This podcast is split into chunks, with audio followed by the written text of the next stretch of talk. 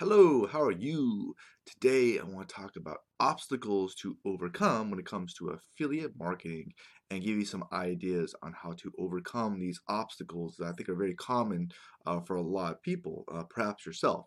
Now, before I get started, down below there's a link in the YouTube description, or uh, if it's not, if not, maybe you're listening to this on a, podcast form. There's going to be in the description. There's a link, um, and if you click on that link, there's actually going to be training on the really one of the most important skills to learn when it comes to affiliate marketing, digital marketing, or something like in that that same area. Now, speaking of the most important skill to learn in internet marketing, what do you think that is? If you had an idea, what's the most important thing in affiliate marketing? Well, I'll give you a hint. It has to do with money, right? Come on. Yeah, you have to sell. If you don't sell, you don't get nothing. It's like it don't matter what you know about the internet. It doesn't matter if you're an expert in Facebook ads or Google ad, AdWords or how many fans, followers, likes, videos, subscribers you have. If, if at the end of the day you don't sell. Okay, so really that's everything. Uh, so now I'm gonna give you a little secret when it comes to internet marketing. Uh, there's a lot of money to be made after that first sale. Yeah. So if you don't know what you're doing, you're gonna lose a lot of money, mullah. Does it feel good to lose money? No, no, no. So don't do it, okay? Uh, so that's a big, big obstacle that a lot of people face. Uh, and if you want to overcome that, just simply click on the link uh, in the description there, okay? So let's talk about the second big obstacle. I, I think a lot of people face with affiliate marketing. Um, I definitely had to face it, and that is fear. Okay, fear holds a lot of people back. I like the saying that we all have uh, self-made cages we're in, self-made prisons or whatever. Um, maybe it's fear of what people think, like your family, your friends, hell, I don't know anybody. It's fear of what people think, fear of failing.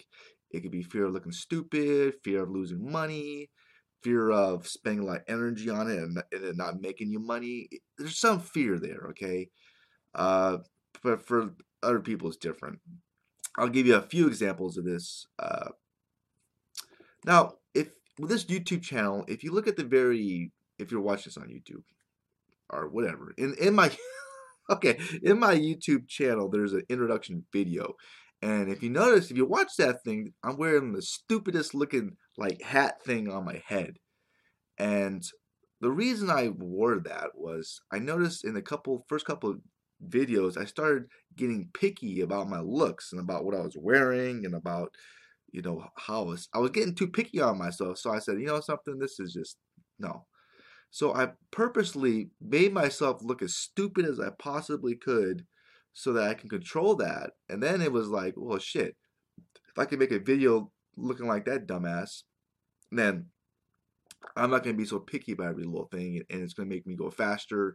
And, and speed is much more important, getting the shit done rather than being perfect. You know, what holds people back is they're trying to make everything perfect. And it doesn't need to be that way, okay? It's going to hold you back in a lot of ways. So it really helps me a lot um, in that regard. So if you're scared of looking stupid, you want to make yourself look stupid on purpose. So that way, it's kind of like if you do what you fear, you control the fear. I'll give you a couple other examples. I'm kind of old school when it comes to, uh, uh, well, you know, dating women. I don't know, talking to the opposite sex and stuff. But um, I'm not really a big fan of the whole using technology. Uh, but I used to go out at night, like nightclubs and you know bars, and I just I would talk to a lot of girls and people, and yeah, I was scared, and um, I was scared of you know getting rejected or looking stupid. So the first thing I would do is try to get rejected as quickly as possible, because once I did that, it breaks down that barrier. I realized, hey, this is not that big of a deal, and I can go out there and I can just you know I'm I can go be more active If that makes sense. Uh, but before that first rejection, I'm like, oh shit, I don't know. And you start telling yourself crazy stories. I don't know. She looks like she's mean, or I think she has somebody. Nah, nah, nah, nah. You, you start getting negative on yourself. So there's a lot of mindset and stuff like that. So internet marketing and kind of like I don't know if you want to use the word dating anymore. They're kind of similar in some ways. Anyways, one more example, just because I think this is very important. Um, let's see here. Uh, yeah, another thing I was I was scared of is uh, you know maybe being broke, being alone. So uh, one of the things that really helped me was was long distance backpacking. Um, I hiked um, a big part of the Oregon uh, Pacific Crest Trail. I hiked all through Oregon, and um, you know, I basically I look forward to finding water. I didn't have shit, and getting breaks from walking, and that's what I had, and I didn't have that much. So it retrained me and taught me that I could be okay if I didn't have shit.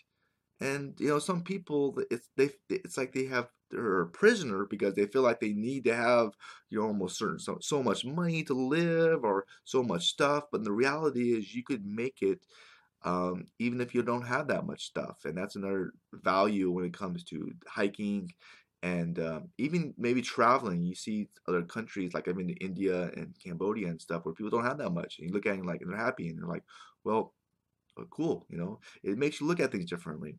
So that's the big thing is to do what you fear, you control your fear because fear holds a lot of people back.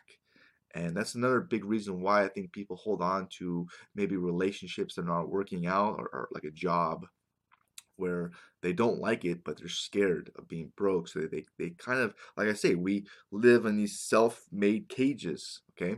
So that's a big, big obstacle. And the way to overcome that is you have to face that fear or to overcome it. So there's two big um, obstacles. The third one is um, a, a, big one that I always have challenges with too, is distractions. We live in an age where everybody wants your attention. Okay, everybody, and there's so many distractions. And one of the fascinating characters, person, one of the people that, that have always fascinated me was Warren Buffett.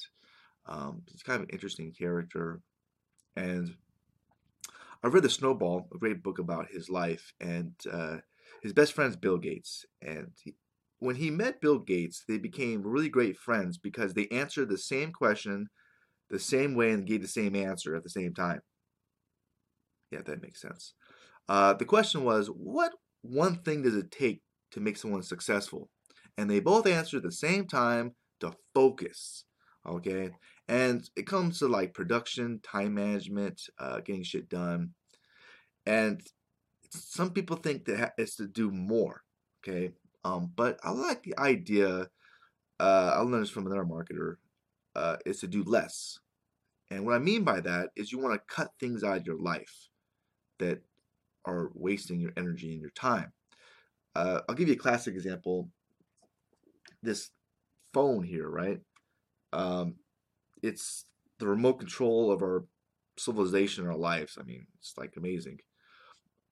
The thing is, there's a lot of apps you can download, and um, if you find yourself having a lot of apps that slow things down and you, there's alerts to distract you, get rid of the app. You only need a few of them.